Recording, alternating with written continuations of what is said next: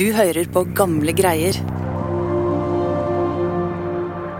I den norske kolonien Holden i Minnesota i USA har prestefru Oline Mus sjokkert menigheten. Hun har gått til sivilt søksmål mot sin ektemann, den mektige pastor Bernt Mus, slik at hun selv kan forvalte pengene fra farsarven sin. Detaljer fra det ulykkelige ekteskapet har lekket til pressen. Kan alle lese Olines versjon. At hun i mange år har vært forsømt av en gjerrig og tyrannisk ektemann, som har latt familien fryse i presteboligen på vinteren og nektet henne helsehjelp.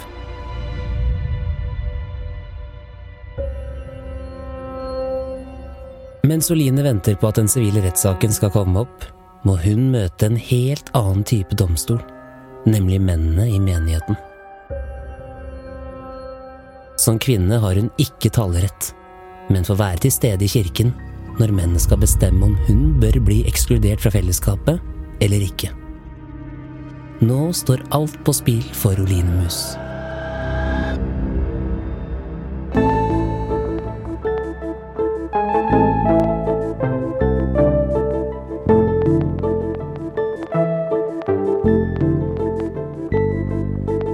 Du hører på Gamle greier, en podkast fra Nasjonalbiblioteket. Jeg heter Lars Hamren Risberg. Dette er andre og siste del av Den norske prestefruens amerikanske opprør. Det er journalist ved Nasjonalbiblioteket Dang Trind som forteller historien.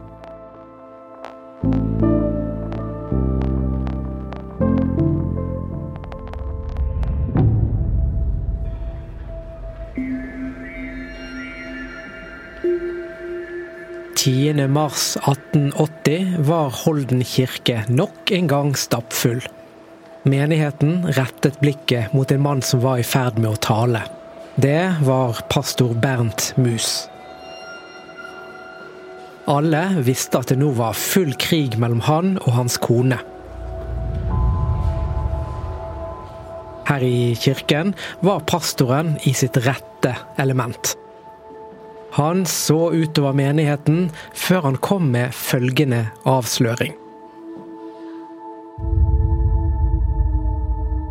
Med høy og klar stemme sa han at hans kone, Oline Mus, var en kvinne som ikke så det som sin plikt å være underdanig sin ektemann. Og han hadde bevis. For da hun hadde fått spørsmålet er en hustru pliktig til å adlyde sin mann i alt, hadde hun svart nei, med to vitner til stede. Og med det svaret hadde Oline rett og slett begått en synd, påpekte pastoren. Han mente videre at dette burde få konsekvenser i form av kirketukt, en straff som gikk på hel eller delvis utvisning fra fellesskapet i kirken. Pastorens ord var alvorlige.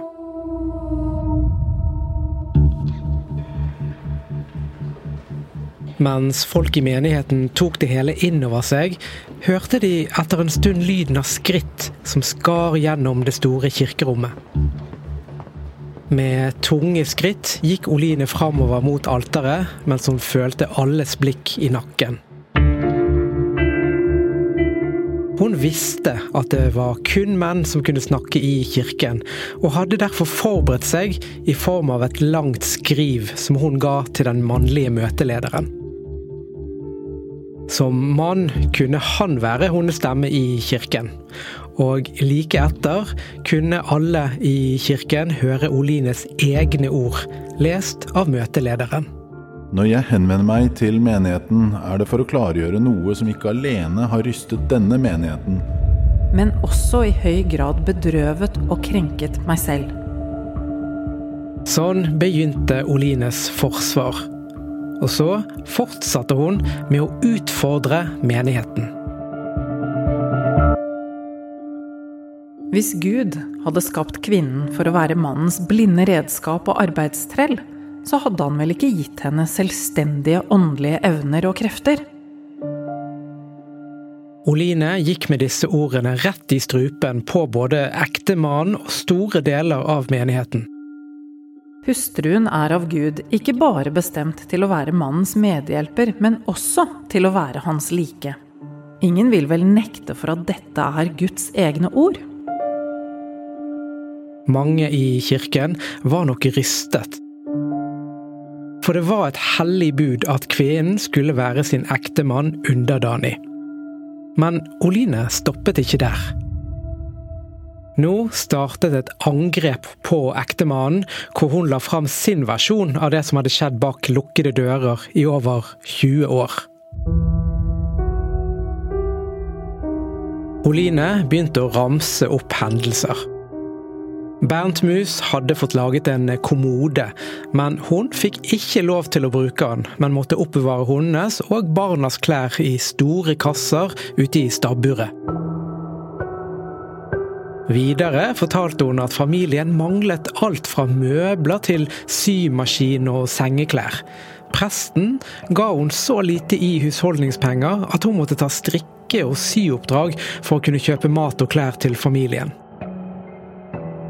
Mange av ansiktene langs benkene i kirken må ha blitt sjokkerte av det bildet prestefruen tegnet av ektemannen, og det bare fortsatte. Hvorfor står jeg nå her i denne stillingen i menigheten? Fordi jeg, nedbrutt på krefter, fant det nødvendig i den kalde vinter og i det dårlige hus å ha et gulvteppe i dagligstuen og en ovn i vårt soveværelse. Hvilken hustru som i sitt liv har sett bedre dager, og som i tillegg eier flere tusen dollar, vil vel finne seg i dette?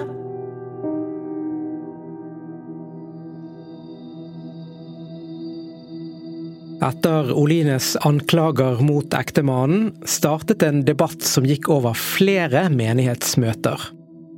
Pastor Bernt Mus var opprørt fordi han syntes han hadde blitt ærekrenket med de mest vanvittige anklager i sin egen menighet. For han handlet det om at fru Mus var helt klart ulydig, men andre i menigheten var mer nyanserte. Den ene mannen etter den andre reiste seg og ba om ordet. Noen støttet pastor Mus, mens andre sympatiserte med hans hustru.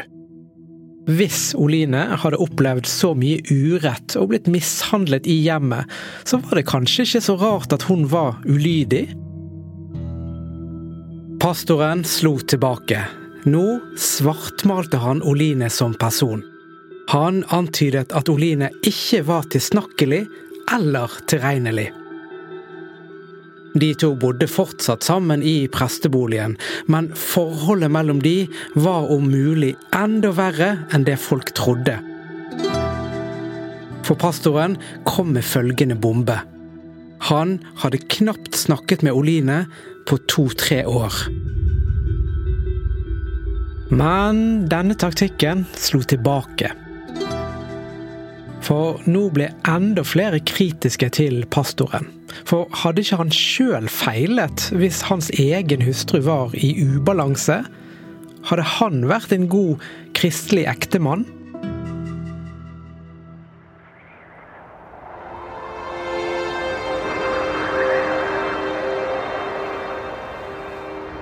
Månene gikk, og den bitende Minnesota-kulden slapp taket.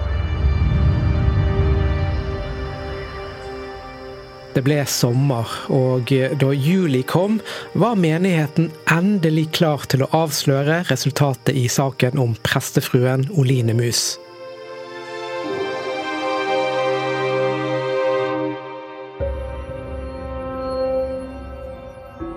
Kirkesamfunnet landet på at prestefruens beskyldninger mot ektemannen Bernt Mus var både usanne og urettferdige.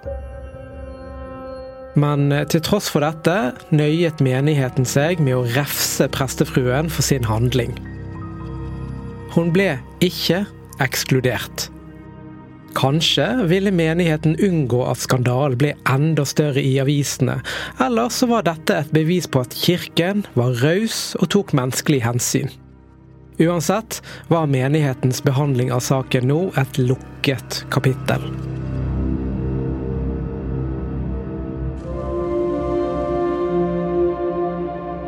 Mens Oline ventet på at søksmålet mot ektemannen skulle komme opp i det sivile rettssystemet, raste det den sommeren en debatt i en engelskspråklig avis mot deler av det norske miljøet.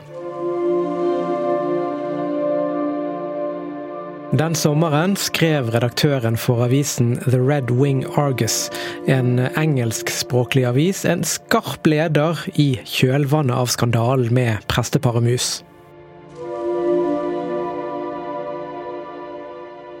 Redaktøren mente den norske lutherske kirken ville hoppe bukk over det amerikanske rettssystemet, og ønsket å innføre en religiøs domstol. The Red Wing Argus, July 24th, 1880. The Norwegian Lutheran Church seems to aim at the introduction of the ecclesiastical courts into this country where no such courts exist. Redaktøren raste videre og stilte et åpent spørsmål, mer overordnet. Ville kirken beskytte en kriminell fra landets rettsapparat og begrunne det med at kirken var riktig instans for å dømme vedkommende?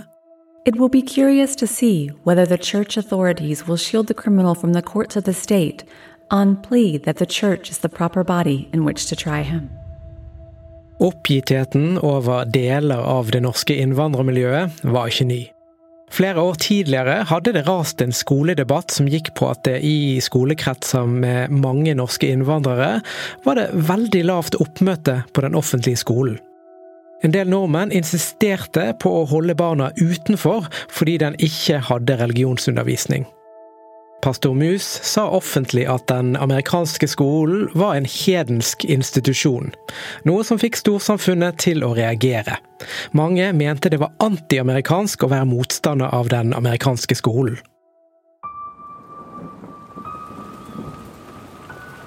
Ukene og månedene gikk.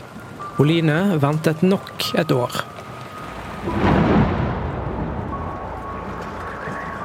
En kald dag i starten av januar 1881 kom det sivile søksmålet mot ektemannen opp for domstol i Red Wing, den nærmeste byen. Tinghuset var en imponerende og ruvende teglsteinsbygning. En bred steintrapp ledet opp mot hovedinngangen. Hvis saken i kirken handlet om en ektemanns angivelige mishandling, kvinnens plikter som hustru og tolkning av Guds ord, handlet det nå om penger.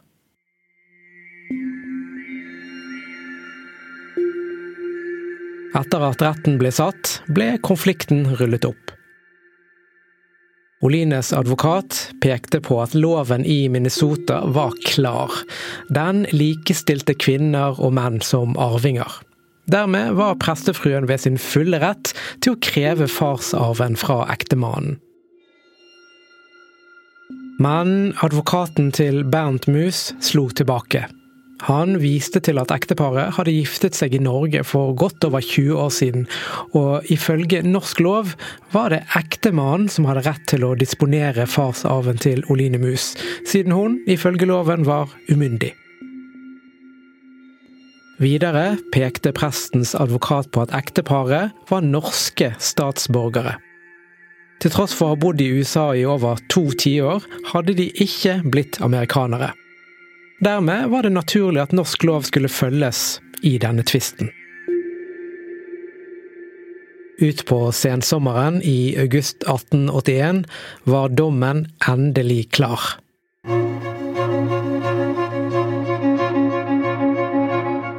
For Oline sto nå alt på spill. Hun hadde i all offentlighet satt seg opp mot ektemannen, og hun hadde lite lyst til å fortsette å bo under samme tak som han i prestegården. Oline drømte om å starte på nytt, men denne gangen alene. For selv om hun ikke hadde blitt ekskludert fra menigheten, må det ha vært vanskelig å møte blikkene til folk i lokalmiljøet.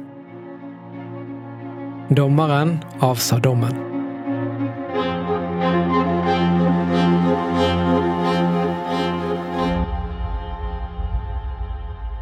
Den var klar på at det var lokal lov som gjaldt. Og i Minnesota kunne en gift kvinne sjøl disponere formue og eiendom hun arvet. Norsk ekteskapslov gjaldt ikke på amerikansk jord. For innvandrere, selv om de var norske statsborgere, gjaldt Minnesotas ekteskapslov. Den amerikanske domstolen ga Oline Mus langt på vei medhold i hennes krav. Oline kunne puste lettet ut. Hun hadde nå penger til å kunne starte et nytt liv. Og ikke lenge etter tok hun nok en stor avgjørelse. Oline søkte om skilsmisse fra ektemannen, pastor Bernt Mus. Men det endte med separasjon, og ved lov innebar det at ektemannen fikk foreldreansvaret. Oline måtte reise fra barna.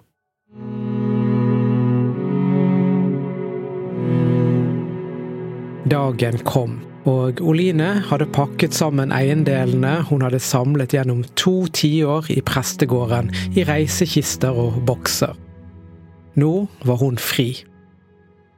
Da Oline forlot hjemmet i Holden, så hun aldri Bernt Mus igjen. Oline Mus endte til slutt opp i motsatt ende av landet. Fra Minnesota i nord flyttet hun til Alabama i sør. Hun slo seg ned i den lille byen Fruit House.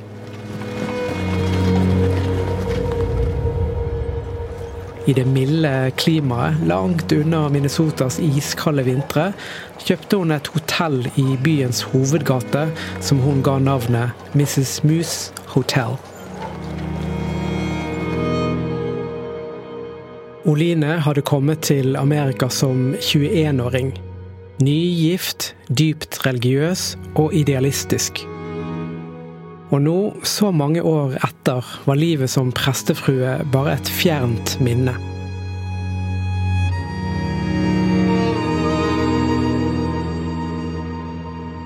Livet som innvandrer i den nye verden hadde tatt en lei vending, men Oline hadde fulgt sin indre stemme og tatt et modig oppgjør med både menigheten og sin mektige ektemann. I god amerikansk ånd hadde hun tatt kontroll over sin egen skjebne og skapt et liv hun hadde valgt sjøl.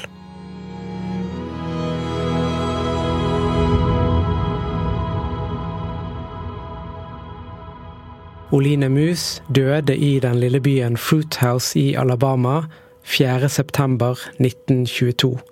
Hun ble 83 år gammel.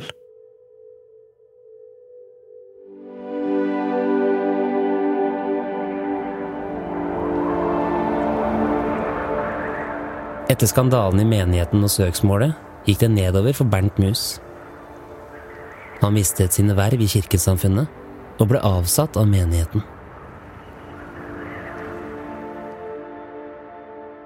Selv om han under striden med hans kone ble framstilt som intolerant og trangsynt, jobbet Bernt Mus i alle år for at jenter skulle få utdanning på lik linje med gutter.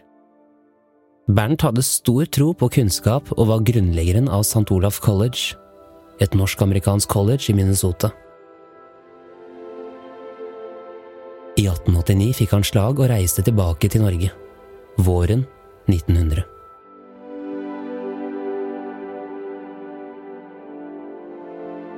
kjølvannet av konflikten mellom ekteparet var det enkelte som stilte seg spørsmålet Gikk hun til søksmål fordi hun rett og slett hadde fått nok av ekteskapet, og egentlig ønsket skilsmisse? Handlingsrommet for gifte kvinner var begrenset. Om Oline handlet som hun gjorde for å bryte med ektemannen, får vi aldri vite.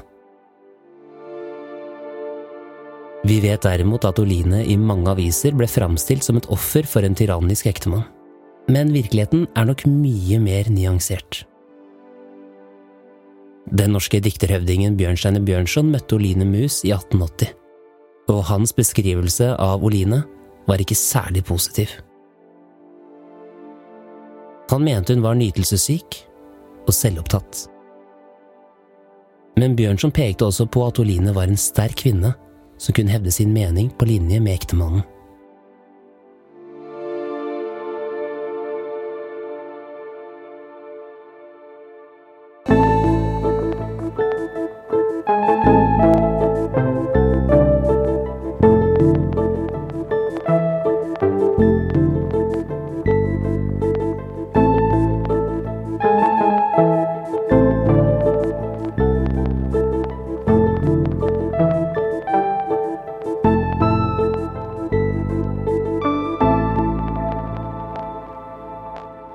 Andre og siste del om den norske prestefruens amerikanske opprør. Denne episoden er laget av Dang Trind og meg, Lars Hamren Risberg. Med gode faglige innspill fra historiker og forfatter Bodil Stenseth, som har brukt bl.a. Nasjonalbibliotekets norsk-amerikanske samling i sin bok. Fru Mus klage ekteskapsskandalen som rystet det norske Amerika. Boken er hovedkilden til denne episoden. Andre kilder er bøkene Bernt Julius Mus, founder of the St. Olaf College, av Joseph M. Shaw. Amerikanske forholdet av Christoffer Jansson. Artikkelen Triple Jeopardy, The Moose versus Moose, Case in Free Forums, av Katrin Eriksen. Du har hørt musikk fra Epidemic Sound og Therese Aune. Mitt navn er Lars Hamren Risberg. På gjenhør.